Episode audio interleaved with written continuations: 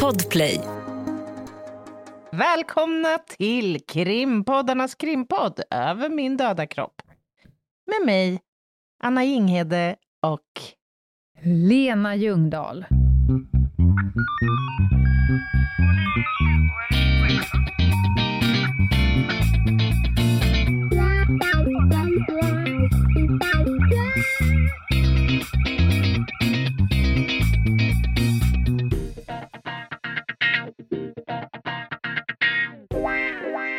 Märker du att jag så att säga försöker variera lite grann intonationen i öppningsfrasen? Ja, det, det märker jag. Men, jag är också, men det låter lite också som att du trevar för att var fjärde eller var femte gång, då glömmer du bort vad du ska säga. Helt. Fan, ta inte bort det här för mig nu. Jag vill ju bjuda på, jag, jag vill ju bjuda på någon slags överraskningsmoment. Så man sätter på en, jaha, ja. oj, nu blev det det här välkomnandet. Det var ju trevligt, kanske någon tänker. Ja, och så blir man ju också överraskad att du kommer ihåg. Det är ju en överraskning i sig. Ja, men den som lyssnar vet ju inte hur många omtagningar vi har gjort. Nej, true, true that. Men vi kan konstatera att du har haft 252 gånger på dig, för att det är 250 andra avsnittet ja. idag. Och du satte den som en smäck. Ja, tänk var den sitter nu ja. ändå. och det är torsdag igen och det är krim. Och fan, nu är vi där igen, att det går runt. Ja, men alltså, det, ja, det är helt sinnes det här, Lena Ljungdahl. Vi var ju alldeles ja. nyss på en skärgårdsö. Lapade ja. rosé, skrev bokmanus och det kändes som att verkligheten var eoner Ja, jag bort. vet. Jag vet, och jag vet också att du de senaste dagarna jobbwise har fått bekänna färg. Du har jobbat i princip dygnet runt. Ja. Det är ju, det är min verklighet så att säga, i det här det, jobbet. Det, jag, jag, bef, jag, och jag befinner mig så att säga med ena tån i jobbet så som att det märks i min mailbox att folk har kommit ja, tillbaka till jobbet. För det, det bara rasar in. Och det blev ju inte mindre ras av att jag var med i P3 och att eh, Filter, tidningen, släpptes samma dag. Då ja. kom det liksom risselrassel igen. Ja. Men jag måste säga, as we speak, så sitter jag ju i ungefär samma mode som när du och jag var på ön. Ja. Jag har, jag har tagit ett fotografi på min poddrigg idag. Jag sitter alltså i någon form av flyt... Don. Du såg ju en bild, vad kan man kalla det här? Ja, det är som ett amfibietält. ja, ja, av kanske den lite mer luxuösa varianten. Ja, just det. det är en väldigt lyxig flytflotte med 360 graders och i taket glas. Jag sitter på vattnet i ett hotellrum. Det är märkligt på något vis. Och det sköna är att det är små luckor i golvet så att man kan, det står att på vintern kan man isfiska från sängen. Jag skulle alltså kunna sitta det i min säng. Mäktigt. Dagens fångst! Ner, ja, stoppa ner min metrev och pimpla fisk från liksom säga, fotändan på min säng. Men just nu så öppnade vi locket där, så låg jag och min man bredvid varandra och tittade ner och konstaterade att vi räknade maneter istället. Aha, det är lite läckert förstås. Ja, det var faktiskt kul. Men, men, eh, podden rullar på och vi är ju tillbaka och nu kommer vi så att säga behöva spänna upp oss ordentligt i, i båge och brygga. Mm. För att snart går ju, boken släpps ju, jag såg igår var det 38 dagar kvar. Oj. Igår, då var det ju då eh, eh, söndag, mm. eller måndag eller vad fan det nu var. Ja. Men det är det inte långt ju inte du så lite i vilken dag det var igår, så att säga högaktningsfullt skiter i det. Men jag kom ju på nu att när det här går ut så är det ju absolut inte 38, utan ni får helt enkelt räkna bort några dagar. Eller eller skulle jag vilja säga så går ni in på vår hemsida, ljungdahlochjinghede.se, för där finns det en jävligt snygg nedräkning mm, till släpp. Det, ja. Det var där jag såg det. Och vi fick ju också ett mejl, och då har det kommit till vår kännedom att bokjäveln har ju redan börjat skickas ut till diverse journalister som sitter och, lä och, och läsare. Ja, och det där är ju, det är en blandad känslomix. Så att säga. Berätta om dina, dina mixade känslor. Nej, men alltså så här, nu börjar ju tidningen höra av sig och, och säga så här, nu har jag fått eh, er bok Och när jag har läst mm. den, då skulle jag väldigt gärna vilja intervjua er. Mm. Och då känner man så här, tänk, tänk om, om man inte återkommer efter en vecka. Han behövde en vecka på sig den här sista nu att läsa boken. Det kanske bara plötsligt rinner ut i sand, tänker jag. Ja. Jag undrar varför inte jag har en bok i ja. min brevlåda om den har börjat skickas ut. Varför har jag inte en bok Precis. själv? Det kan man fråga sig. Det kan man fråga sig. Ja. Allt det där kommer att lösa sig.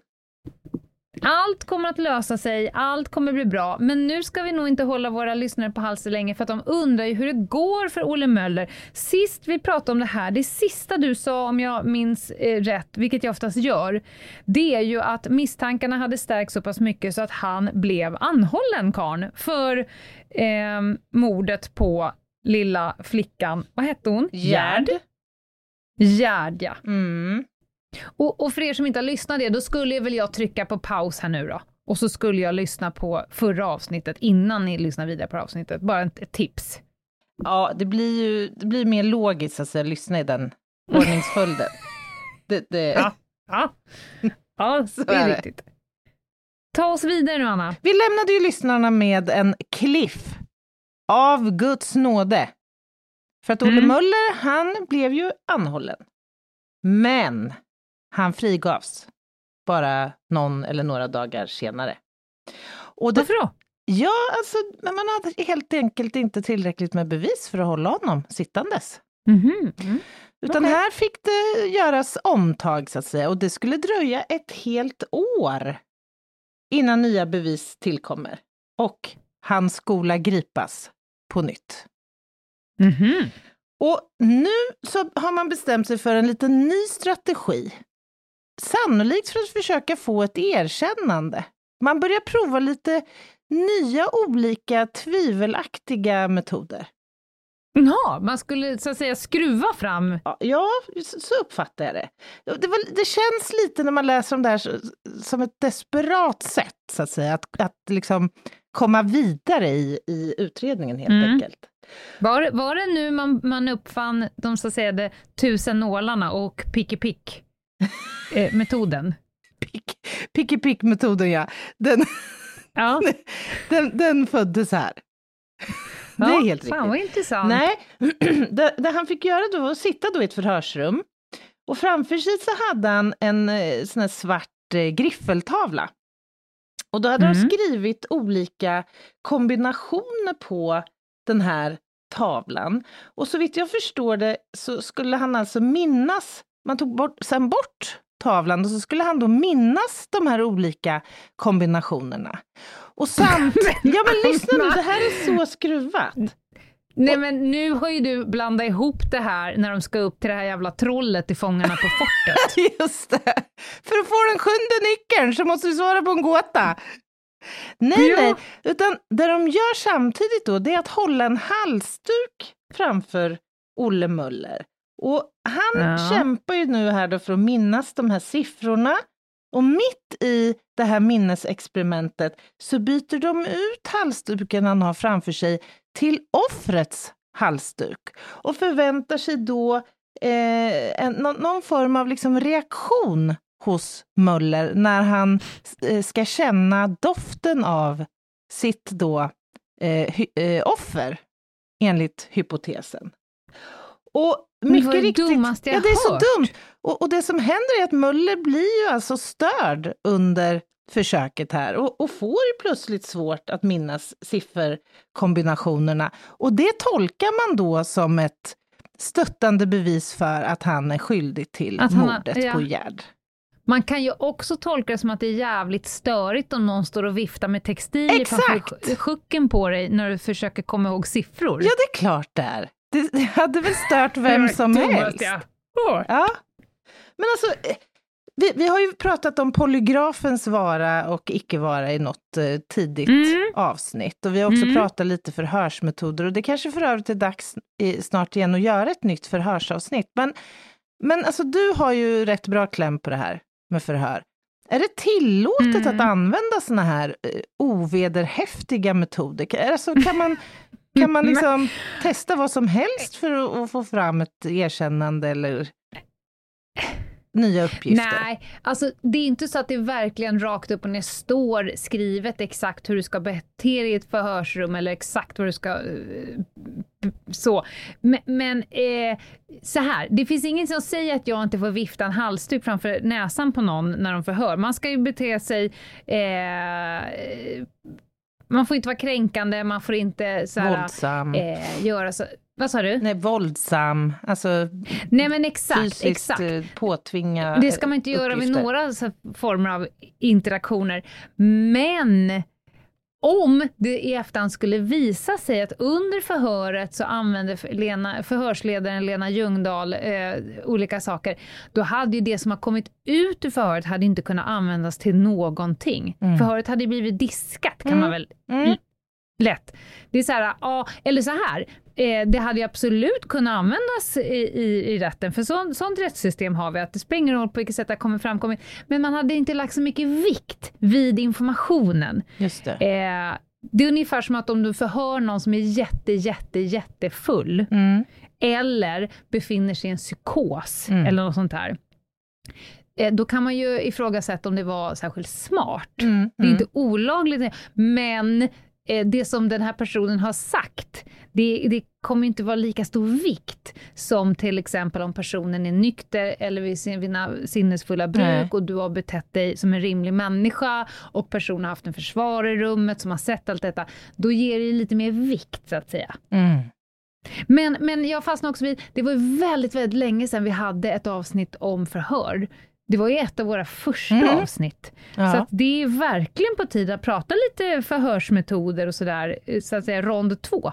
Det får vi verkligen. göra under hösten tycker jag. Ja, mm. det är jag sugen på. Hur den är, man har ju gjort ett omtag här nu i utredningen. Man har efterlyst nya vittnen, man har gjort eh, en rad olika typer av analyser och här i december 1940 så finner åklagaren det rimligt och rätt att väcka åtal mot eh, Olle Möller på grunden då våldtäkt och misshandel varvid döden har infallit. Och frågan är ju nu då, vad hade åklagaren att framlägga för typ av bevisning? Dels så hade de fått fatt i eh, ett vittne som plötsligt hade ändrat sina uppgifter angående iakttagelser från Birkastan, där eh, Gerd försvann ifrån, om du minns.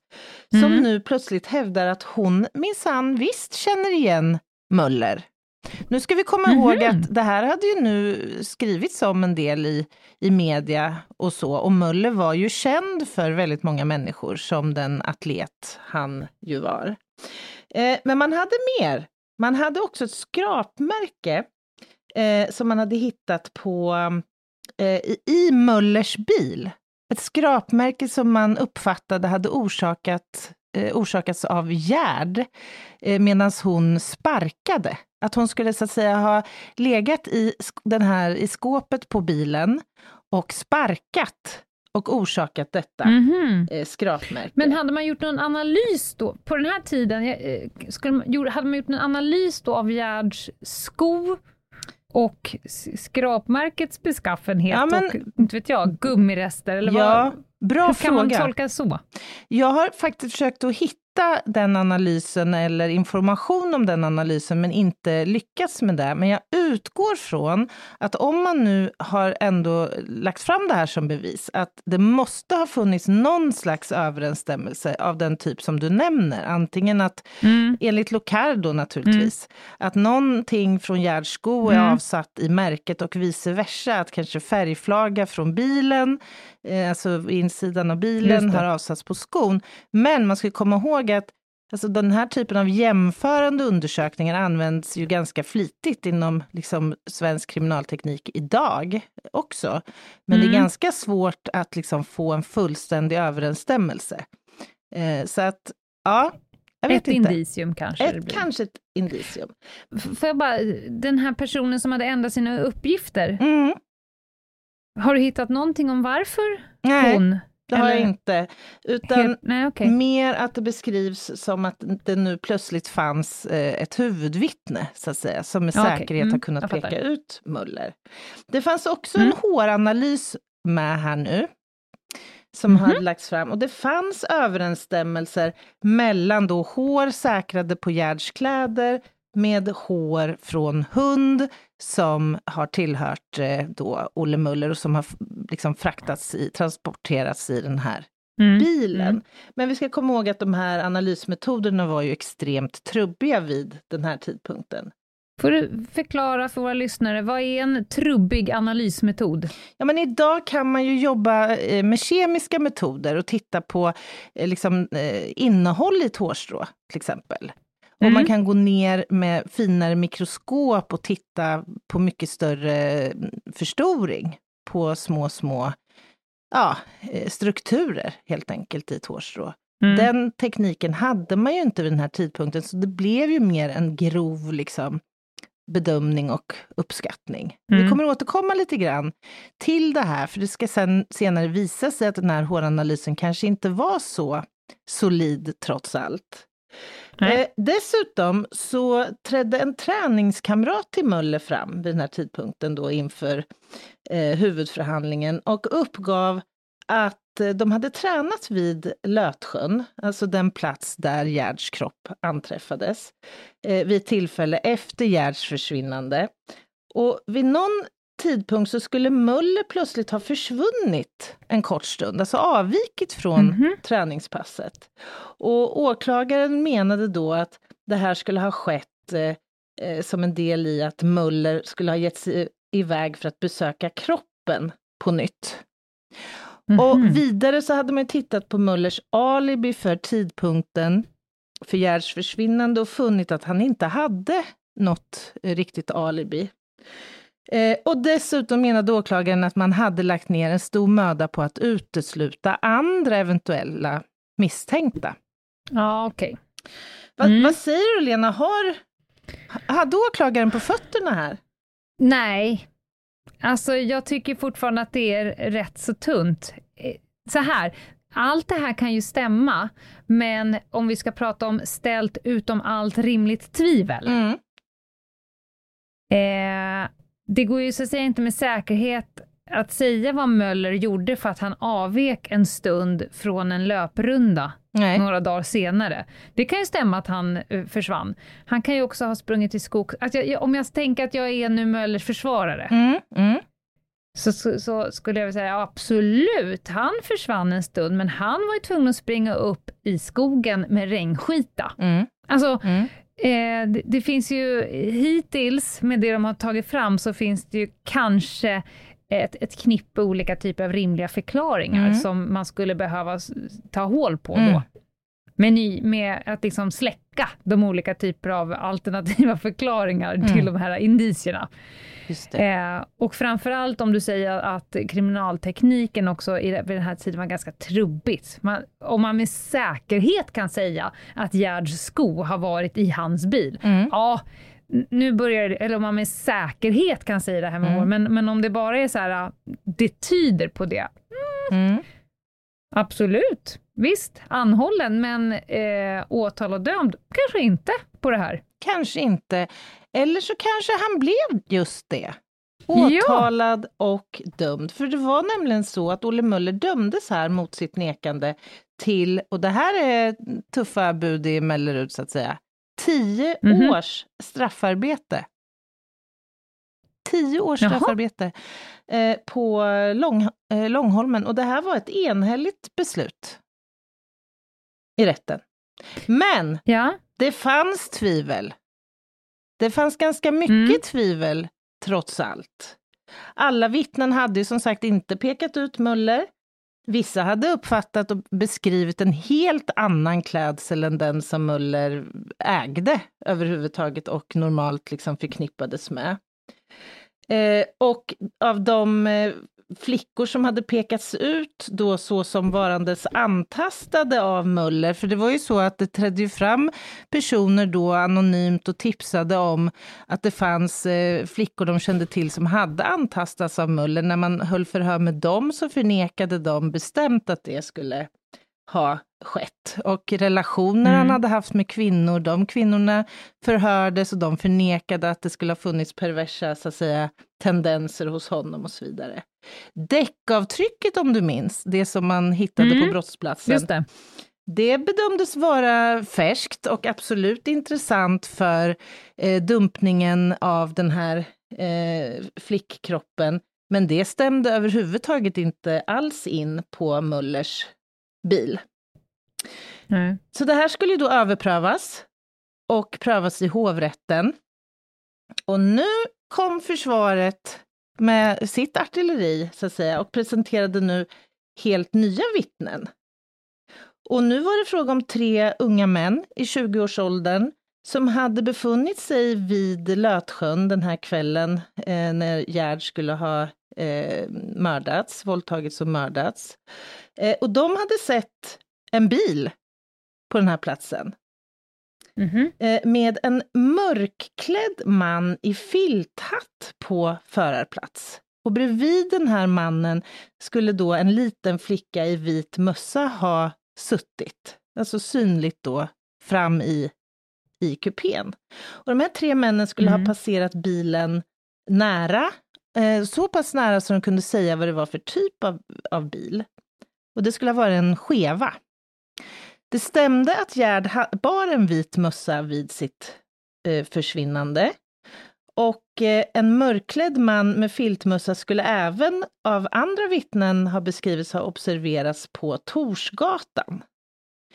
Så att det här, och, och det här stämde ju inte då. Möller hade en Ford, så det var liksom fel bil, det var fel mm. klädsel och sammantaget så pekade ju den här eh, ja, vad ska man säga, iakttagelsen på att det faktiskt mycket väl skulle kunna vara fråga om en helt annan man som körde omkring med Gerd i eh, förar eller i passagerarsätet och inte alls då inslängd bak i lastutrymmet på bilen.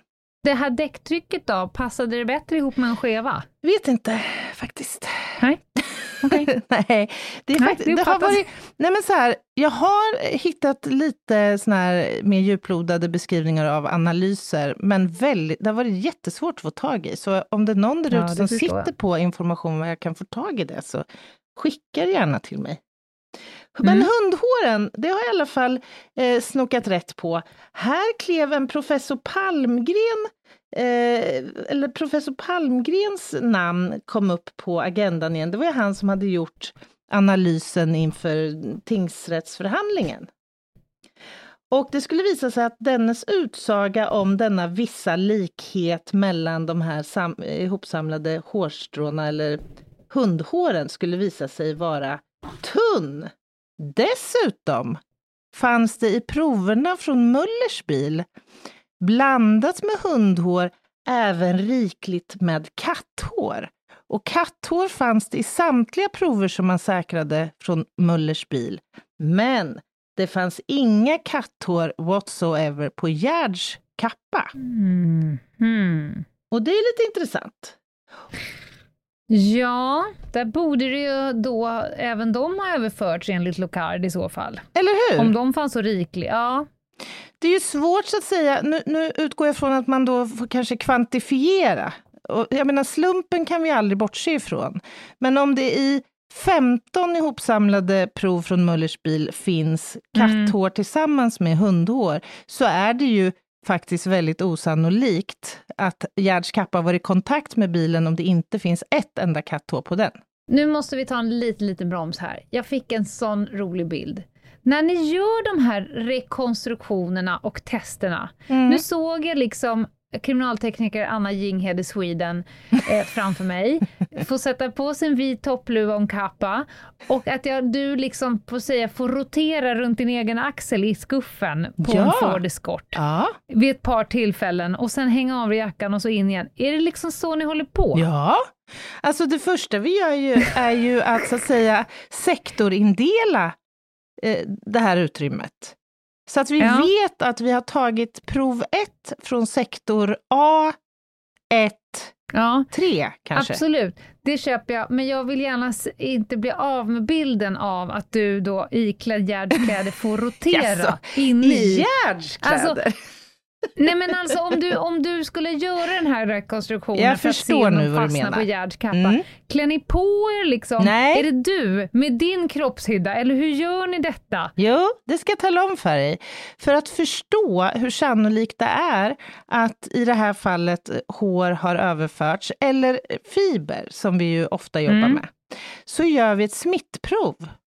Vi undersöker helt enkelt hur lätt smittar den här klädseln i bilen spår mm. från sig till ett annat plagg. Eller en annan yta. Och det gör mm. vi med en speciell sorts tejp. Helt enkelt. Det var tråkigt att höra. Mm. Det hade varit mycket roligare om liksom, nu behöver vi ha en människa som på något sätt tar sig igenom den här ventilationstrumman för att se om det är rimligt att man kan skada sig. Så här, ja, men... Kriminaltekniker Anna Jinghede i Sweden, det blir du som får trycka igenom den här ventilationstrumman, för du är ungefär lika stor som offret. Ja, men, alltså, det är roligare att tänka ja, så. Ja, och du är helt rätt på det. Vi gör jättemånga typer av rekonstruktioner och den typ som du är inne på här, att helt enkelt sätta på sig ett plagg, kanske ett likadant plagg som offret har burit mm. och faktiskt rulla runt, det skulle vara fullt möjligt möjligt genomförbart och rimligt Kanske att göra. Kanske att du vid något av de här tillfällena dokumenterar detta och bjussar lite på när du gör de här grejerna. Jag ska säga att just den här delen av mitt yrke, det är en av de roligaste delarna. Ja, det förstår jag. För det är liksom liveforskning. För jag är en jävel på att åla i olika saker. Det kan säkert behövas. Men du, ja. innan vi går vidare, ska vi ta en liten paus? Det gör vi. Ett poddtips från Podplay. I podden Något Kaiko garanterar östgötarna Brutti och jag, Davva, dig en stor dos skratt. Där följer jag pladask för köttätandet igen. Man är lite som en jävla vampyr. Man har fått lite blodsmak och då måste man ha mer. Udda spaningar, fängslande anekdoter och en och annan arg rant.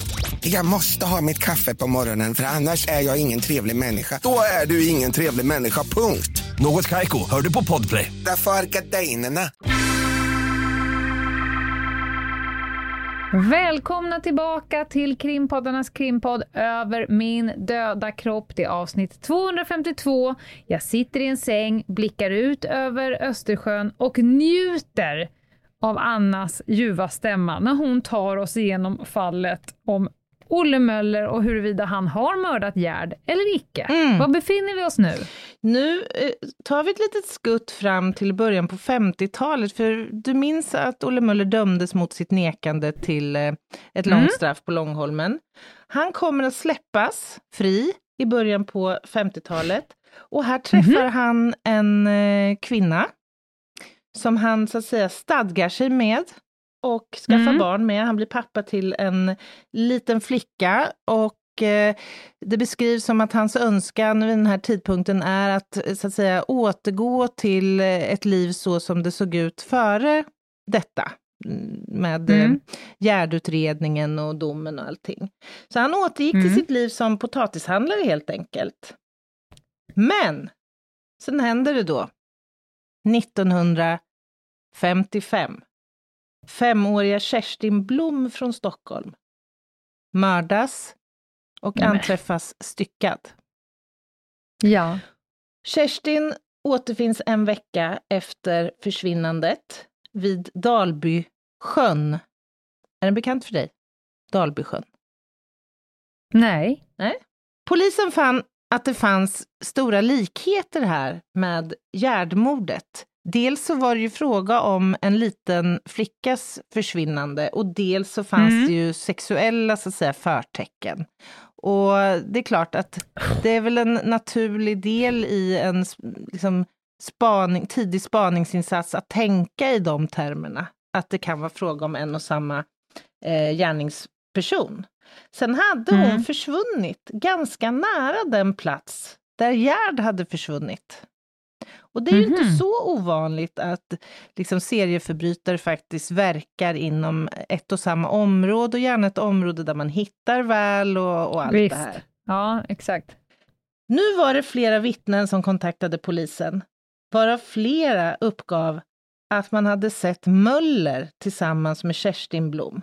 Mm -hmm. Det skulle sen visa sig vara felaktigt, eh, för att Möller hade alibi för tidpunkten. Men det fanns, det, det fanns liksom en delad, återigen, eh, församling här, både inom det rättsliga och inom det publika, så att säga. Muller var alltjämt en känd person som nu dessutom hade avtjänat ett tioårigt eh, fängelsestraff eh, för ett eh, barnmord. Mm. Nu börjar man hitta andra anledningar att frihetsberöva honom, för att man kunde ju inte binda honom till Kerstin Bloms försvinnande. Men det fanns då starka krafter här som menade att det här alibit kanske inte var rätt, eller att det fanns eh, förklaringar. Eh, och att den skulle vara att det var Möller som hade fört bort Kerstin. Då blev rubriceringen en helt annan istället. Häleri fick man honom på. Jävla hopp! Så ja. man tar, tar in Han honom... Han sålt en bilstereoapparat. Ja, av tidigt slag. Ja. tidigt snitt. Man tar in honom på misstanken häleri och håller extremt hårda förhör i fyra dagar med honom. Eh, men de får ingenting i de här förhören och åklagaren kan inte se att det finns skäl att hålla honom frihetsberövad och släpper honom fri. Möller bestämmer sig här för att lämna Stockholm. Han är nu fed up på hanteringen av honom eh, som person och eh, upplevelsen av att vara jagad av eh, många. Han vänder sig till Örebro. Han flyttar till Örebro. Mm. Och eh, det är inte en slump. Örebro var hans eh, uppväxtstad, så att han var väl bekant med orten. Han köpte sig en gård, startade ett hönseri. Heter det så ens? Hönseri? Eh, Vad har vi på hönseri? det heter det. Sen fick han dessutom jobb här i Örebro på saluhallen närmare bestämt på Mellgrens fisk. Eh, så att han stadgade sig här med sin hustru på en gård strax utanför Örebro där han bedrev hönseriverksamhet mm. och jobbade på saluhallen i Örebro. Och här fick han en lugn period i livet. Men ganska snart så vänder sig Stockholmspolisen till Örebros polisdistrikt eh, och vill initiera en spaningsinsats riktad mot Möller. Och det är då i syfte att kartlägga hans förehavanden. Hur han rör sig, vilka hans tidpunkter är, platser, umgängen och så vidare. Mm -hmm. Och detta för att man fortsatt jobbade för att lösa Kerstin Blom-ärendet. Vad, vad säger du, Lena? Alltså, eh, för mig så verkar det lite märkligt hur hans beteendemönster på en helt annan ort skulle kunna generera eh, utredningsvärd information för att lösa ett mord som har skett 20 drygt mil bort och ett antal månader tidigare.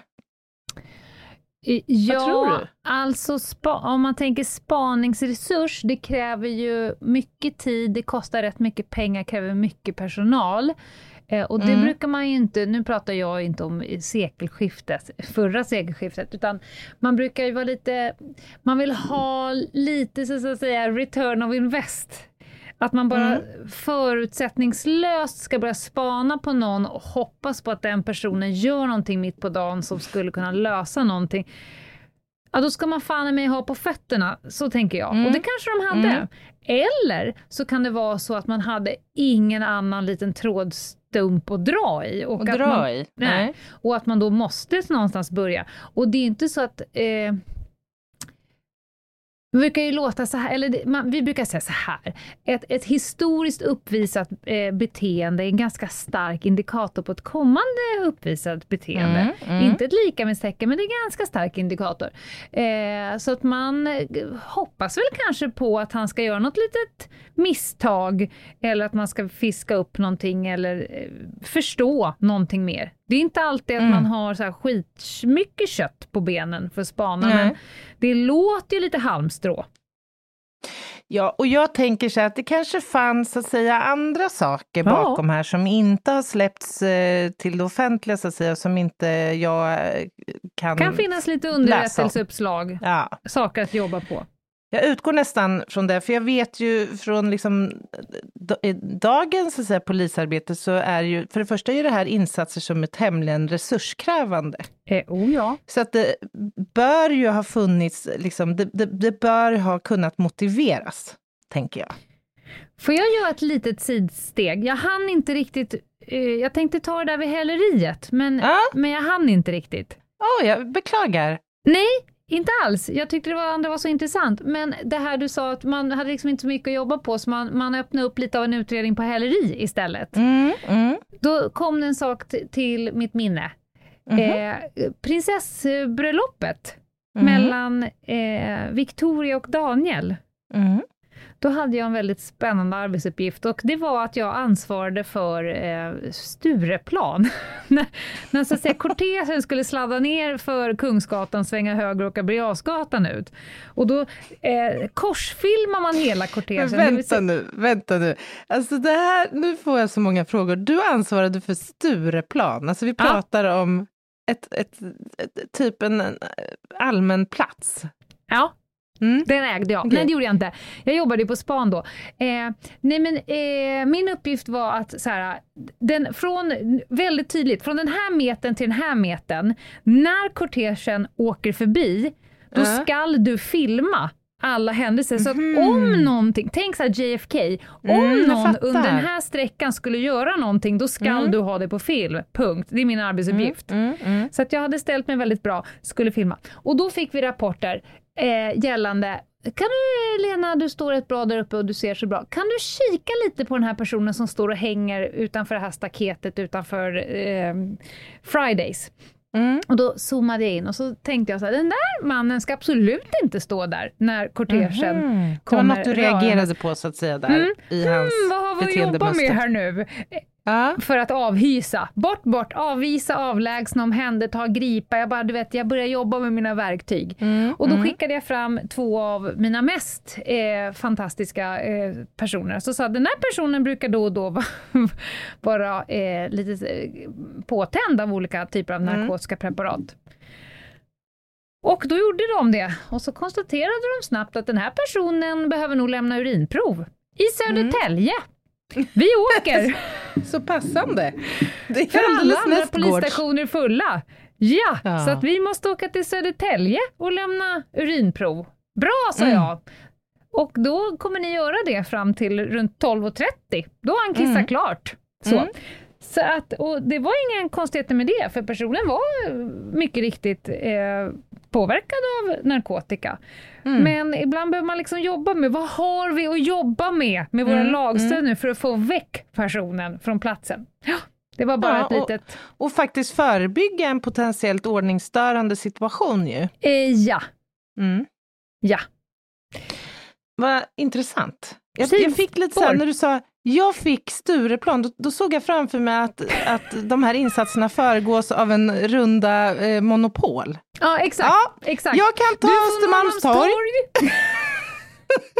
Vad ska du ha för Narva? Gå, Narvavägen?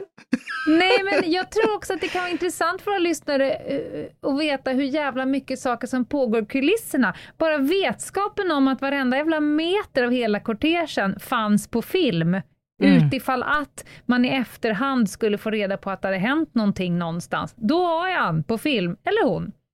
Otroligt. Nåväl, tillbaka till Olle Möller för fan. Tillbaka till Olle Möller och tillbaka till Örebro. Du minns kanske att han begav sig till Örebro eh, 55-56 någon gång där. Eh, och han har några lugna år den här spaningsinsatsen bedrivs riktad mot honom, men ingenting av intresse framkommer där. Förrän någonting händer 1959, Nej, tisdagen den 26 maj. På den här dagen så har Olle Möller en tid på ortopeden på regionsjukhuset mm. i eh, Örebro. Han har nämligen haft stora problem med sin rygg och har fått en tid. Eh, och det han gör den här morgonen, det är att han lastar in sin moped i sin bil. Eh, för mopeden skulle in på, eh, eller bilen skulle in på reparation och då var planen att han tar moppen så att säga därifrån, från verkstaden. Men vänta, vänta. Han ska till ortopeden för han har jätteont i ryggen och sen ah. lyfter han in sin moped i sin bil. Det är en jätte, jättekonstig meningsföljd. Jag ser vissa så här, hmm. Ah, vad roligt. Ja, jag utgår från att han har haft någon form av hjälpmedel, så som en ramp eller en, jag vet inte vad. Jag såg precis framför mig honom som en sån här som har gripklo för att dra på sig stödstrumpan och så kom nästa mening att han tryckte, ja men för all del, jag låter den passera. Ja, alltså det är så det i alla fall beskrivs, ja. att han gör den här morgonen. Eh, för att han skulle nämligen vara klockan tio på ortopeden.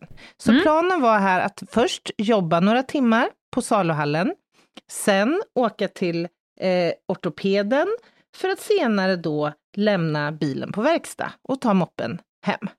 Mm. Men nu skulle det visa sig att på ortopeden var man kraftigt försenade den här eh, dagen. Eh, och när Alltså han satt där i många, många timmar och till slut så började det bli tajt för att hinna till verkstaden. Så då lämnade han ortopeden. Han struntade i att få sin konsultation och drog därifrån. eh, och efter att han hade lämnat in bilen så var han hemma ungefär eh, 16.00 på eftermiddagen för att lämna återigen sin bostad klockan 17 och tog då moppen till saluhallen och jobbade ytterligare några timmar. Det är så den, här dagen sen ska komma att beskrivas kronologiskt mm. av Möller. Och varför då? Jo, för att den här dagen händer någonting speciellt. Det är nämligen så att 34-åriga Rut Lind, gift med lantbrukaren Gunnar Lind, hemmahörande i Fjugesta. Det är mina trakter här. Mm. Ja. Hon hade varit på eh, regionsjukhuset samma dag som Möller och efter sitt besök så var hon plötsligt försvunnen. Mm. Mm. Lind var som sagt eh, bosatt i Fjugesta och det ska ganska snabbt beskrivas av eh, personal på sjukhuset och andra eh, patienter att hon skulle ha samspråkat med en annan patient. Och för denne eh, så skulle hon ha nämnt att hon skulle få skjuts hem efter sitt besök. Och den här som uppger eh, de här uppgifterna skulle även sen ha sett den här mannen, eller en man, plocka upp Rut Lind och beskrivit att mannen hade skjorta, troligen en rutig i bland annat en grön nyans. Mm -hmm. Man började prata med fler eh, vittnen här och folk som trädde fram som hade varit på i det här väntrummet vid samma tidpunkt och utanför sjukhuset eh, här på eftermiddagen. Och det framkom uppgifter som tydde på att Lind skulle ha hoppat in i en mindre lastbil några kvarter från sjukhuset. Och här drar man igång stora skallgångskedjor för att eftersöka ja. Rut Lind. Idag, Lena, vad tror du man hade gjort idag? En kvinna anmäls försvunnen efter att hon har varit på ett läkarbesök, eller i vart fall skulle ha gått på ett läkarbesök. Och plötsligt försvunnit när hon är klar på sjukhuset.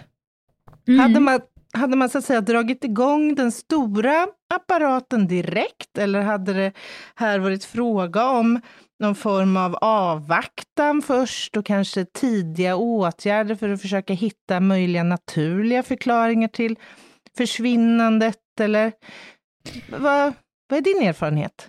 Eh, ja, eftersökning av personer är inte min absoluta huvud... Men jag skulle säga så här, vi ska ju komma ihåg att de absolut allra, allra, allra, allra flesta människor som försvinner kommer ploppa upp igen. Mm. Det finns nästan de har, alltid natur... Det finns naturliga förklaringar, ja. Ja, nästan ja. alltid. Eh, och det finns eh, så att säga frivilliga försvinnande, så att andelen människor som bara hux flux försvinner, det är en, det är, jag tänkte säga, det är en försvinnande liten mängd. Men ja, det är det. Eh, och då drar man igång såna här MSO eller EFP som det heter också, där man på ett väldigt strukturerat sätt drar igång en sökinsats. Mm. Och då ser man lite till så här, när, var, hur och omständigheterna. Så, mm. Jag menar, är det en, en inte vet jag, någon som är på väg hem, ett barn som är på väg hem och inte kommer hem, ja då drar man på, på stora trumman på dirren. Mm.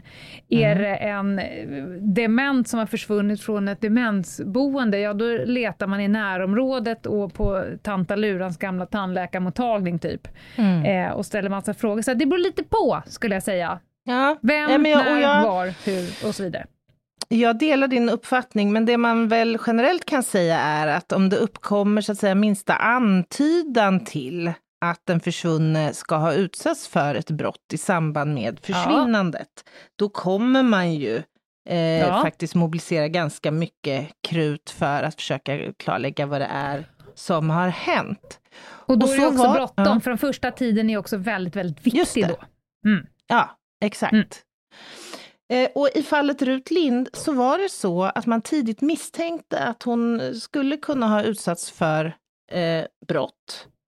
Och det första man gjorde var ju naturligtvis att försöka klarlägga vilka andra hade hon kunnat samspråka med i det här väntrummet medan hon väntade och under de här timmarna som förflöt medan ortopeden jobbade i kapp eh, i schemat så att säga. Mm. Och det skulle ju då visa sig att Olle Möller och Rut Lind har befunnit sig i väntrummet vid samma tidpunkt. Ett vittne beskriver att hon mycket riktigt har sett Rut Lind och Olle Möller samspråka. Och ett annat vittne berättar att han ska ha burit en grönrutig skjorta. Men Anna, det enda jag tänker på är ingen rök utan eld. Det är väldigt många gånger som Olle Möller råkar ha befunnit sig, råkar, råkar, råkar. Mm, det vilket, börjar ju bli vilket, så nu. Vilket spännande ärende. Mm, faktiskt, mm. det är det. Och vad som händer i det, det får man ju veta mer om om en vecka. Ah, är det dags för en cliffhanger till nu? Ja men det är bra. Det är bra. Håll oss på halster för fan. Det är din fulla rätt att göra det. Jaha, så att nu lär väl han bli misstänkt igen då antar jag? Eftersom han var där och hade rätt skjorta och allt vad det nu var. Och en liten lastbil. Och en liten Den lastbil. kan ha spelat en viss roll. Det. Mhm, mhm. Mm mhm, mhm. Och mer om det nästa torsdag då? Är det så vi ska mm. tolka det hela? Ja, men det tycker jag. Mm. Det passar väl bra. Och däremellan kommer en måndag och jag har faktiskt en liten rövhatt förberedd, men lite samhällsinformation innan. Ja, en sak. Hur ställer du dig till en live på lördag? Tackar, tackar. Ja, varför inte? Jag försöker fundera på var i världen jag är. Jag är på kolonilotten då, det går utmärkt. Jag tycker det skulle vara härligt. Är det dags? Jag tycker det. Ja, det var länge sedan. Du har inte beredskap eller något då? Nej, för fasen, det har jag ju haft hela veckan. Du har jobbat dygnet runt. Nu får du... Ja, men vi bestämmer då. Live eh, på lördag, ska vi säga, nu ska vi se, Melodikrysset är 10, ska vi säga 11.30? Eller är du på tennis då? Nej, 11.30 passar 11 mig utmärkt. 11.30 på lördag, live på Instagram, så som i gamla goda tider. Mm, vad härligt.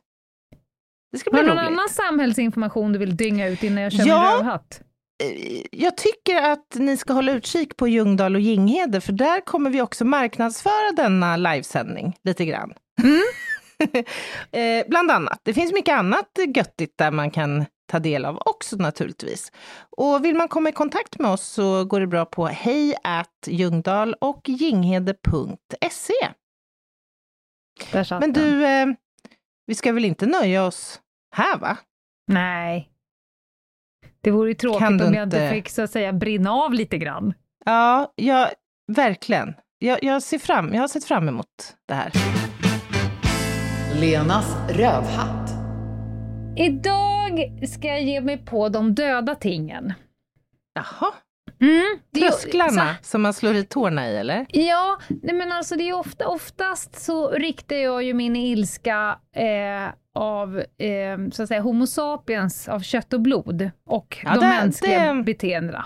Det händer, ja. Mm. Mm, jag har en lång lista även på dem, men idag tänkte jag faktiskt ge mig på de döda tingen. Men ja. men nu när jag, när jag tänker efter så är det ju egentligen Homo sapiens bakom det döda tinget som jag hatar. Men låt mig ta det så här. Eh, vitvaror Mm -hmm. Hatar du mm. vitvaror? Nej, nej, de är bra att ha. Man kan ju så att säga kila sin matlåda och, och tvätta sin småbyxa. Ja. Men det finns ett fenomen som jag fullständigt hatar och detta blev jag exponerad av över när jag var ute i skärgården. Det är mm -hmm. vitvaror som, alltså, det är jag som så att säga drar igång, vitvaran säger inte till sig själv så nej men om vi inte skulle ta och tvätta lite småbyxor idag, utan just det är ofta det. så att säga igångsatt. Man kan säga att, just det, att du är som målsman där. Ja, det, exakt. det är liksom det i den ju, ordningen. Du bestämmer. Rörelsen har ju initierats av en mänsklig hand, så att säga. Ja. Mm. Ja, just det. Ja. Så att jag stoppar in mina kläder där och trycker på play, som det heter. och sen, sen håller den där på i olika lång tid beroende på vad man väljer för tvättprogram. Sen när den är klar, då brukar det oftast komma en liten signal. Pip, mm. pip, pip. Mm. Så. För att säga, ja. nu är jag klar. Pip, pip, pip. Och när man sätter på maskinen så står det typ så här 2.30. Det är väldigt exakt. Det, det, på våran kan det vara 2.32. Det är ja, liksom väldigt, exakt. väldigt exakt Den estimerar ju en tid utifrån eh, vilket program, temperatur mm. och framförallt vikten på tvätten. Mm, Men då mm. säger pip, pip, pip, döm om min förvåning att den pip, pip, pip, oh. ända tills jag öppnar maskinen. Och jag tänkte, jag ska vänta ut dig din jävel. Jag kommer nu att vänta ut dig din jävel. Du har mött din överkvinna i envishet. Det är Lyckades du? Nej, det är helt orimligt att du ska skjuta ah. till... Tänk om jag hade ett, legat i badet. Ja, två, gipsat min sons ben. Eller gjort Medans någonting annat. Att du hade gipsat din sons ben när tvätten precis blir klar. Ja, det alltså det är ju, ja, vilken otur. Nej men det finns ju ändå saker som man så att säga varken ibland kan inte och ibland vill inte bara resa sig upp och lämna. Jag förstår den första pip, pip, pip. Det blir lite som en signal så här, ja. nu är jag färdig. Nu är jag färdig. Ja. Färdig. Ja, ja, ja. Alltså det är ju väldigt sällan som man också har det behovet så att säga att direkt i samma minut som den är klar rusa åstad för ja. att, att säga påbörja sin tumlingsprocess. Ja. och, och, så här, och om du missar första pipet, då får du på något sätt känna efter. Vad fan, jag satt i en tvättmaskin för ett par, par timmar sedan, den borde vara klar. Mm. Det har inte mm. börjat mögla på 45 minuter. Nej. Varför? Nej. Nu, nu kom jag på att egentligen är det inte maskinen jag är sur på, utan jag är sur förmodligen på någon tysk ingenjör.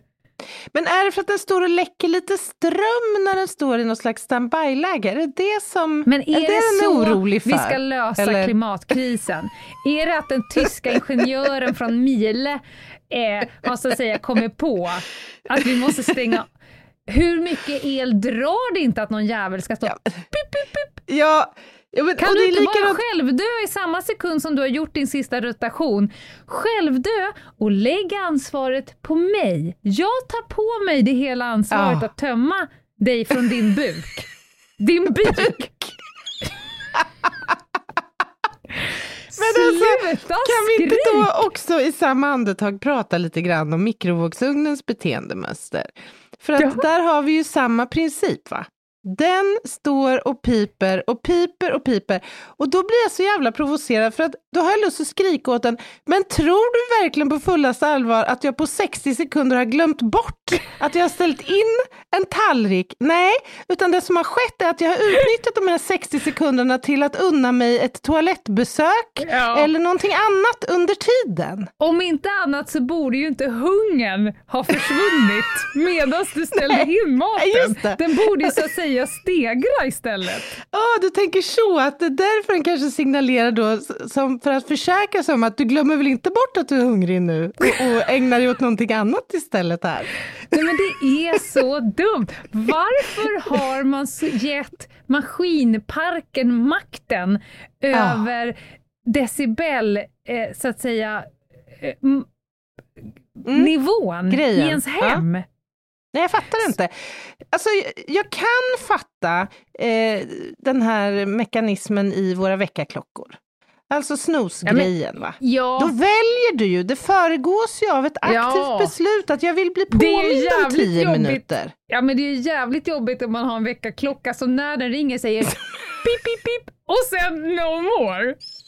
Det är ju jävligt! Det, jag jo, hela menar... uspen med väckarklocka försvinner i det ja, faktiskt. Men det jag, det jag vill ändå liksom betona eller adressera här, det är ju att här har du ett fritt val. Ja, alltså du okay. väljer själv, hur många påminnelser vill jag få egentligen? Ja, men, människor som snosar är ju också en jävligt märklig sort. Ja, det, ja, verkligen. I alla fall att dela hus och sovrum med. Ja, exakt. Det är värdelöst. Jag ska gå upp nu, men jag kommer också att bara ligga kvar i 40 minuter så att ja. jag säkerställer att du inte... Du vaknar ja, tidigare. Du ja. kommer absolut inte kunna somna om. Och då kan man ju ställa frågan, men varför ställde du inte klockan 40 minuter senare och gick upp på det? Då får du ju också mm. sova 40, det där är en jätte... Det där ja. kan vi ta en helt särskild ordning. Mm. Men jag mm. skulle varmaste hand, du vet ju när man köper tvättmaskiner och olika typer av saker så finns det nu för tiden klisterlapp på och där det står A ja. plus och så mm. 4. Mm. Det är energi deklarationer Exakt, där får man ja. reda på, man kan få reda på hur tyst den är medans den så att säga skvalpar mm, mm runt. Mm, Men jag mm. skulle här vilja öppna upp. Jag, ibland vill, jag vill inte vara den som bara gnäller, utan jag vill också leverera olika typer av problemlösningar på det här jag kommer med. Konstruktiva sådana ja. Kanske ja. att man skulle på den lappen föra på, på vilket sätt maskinen kommer uppmärksamma dig på Just att det. den är klar. På vilket sätt? Kanske ett litet ljudprov, så man kan trycka på den och så här få alltså, höra, aha, den där ja, signalen är ganska trevlig. Men det kanske... Och framförallt intensitet och längd på varselorganet. Ja. för min del skulle det räcka om det står den här, jävla, den här maskinen kommer fan i mig tjata hål i ditt huvud innan du så att säga öppnar luckan mm. och tar ur tvätten. Ja.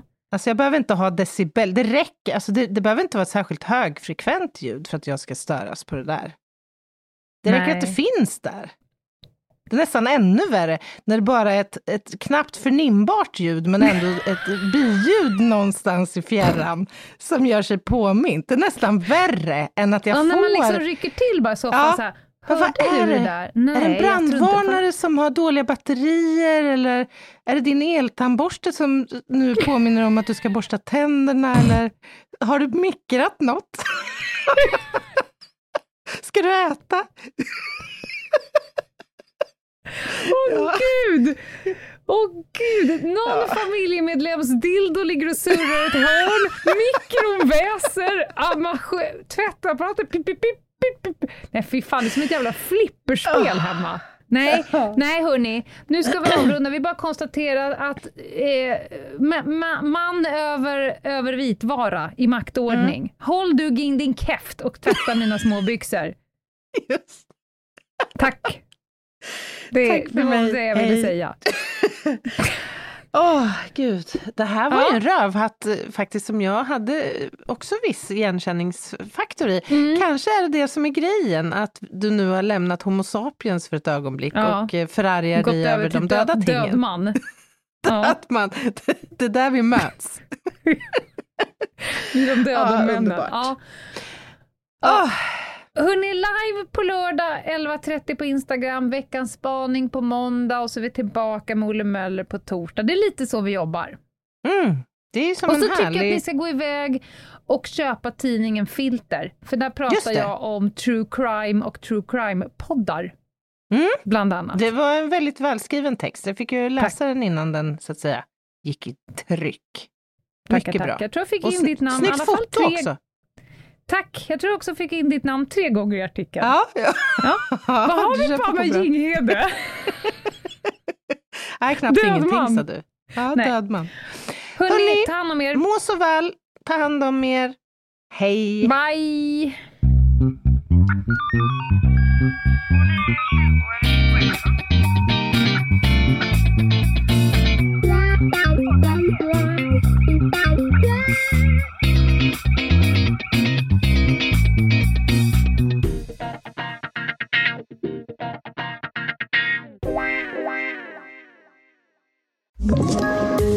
Poddtips från Podplay.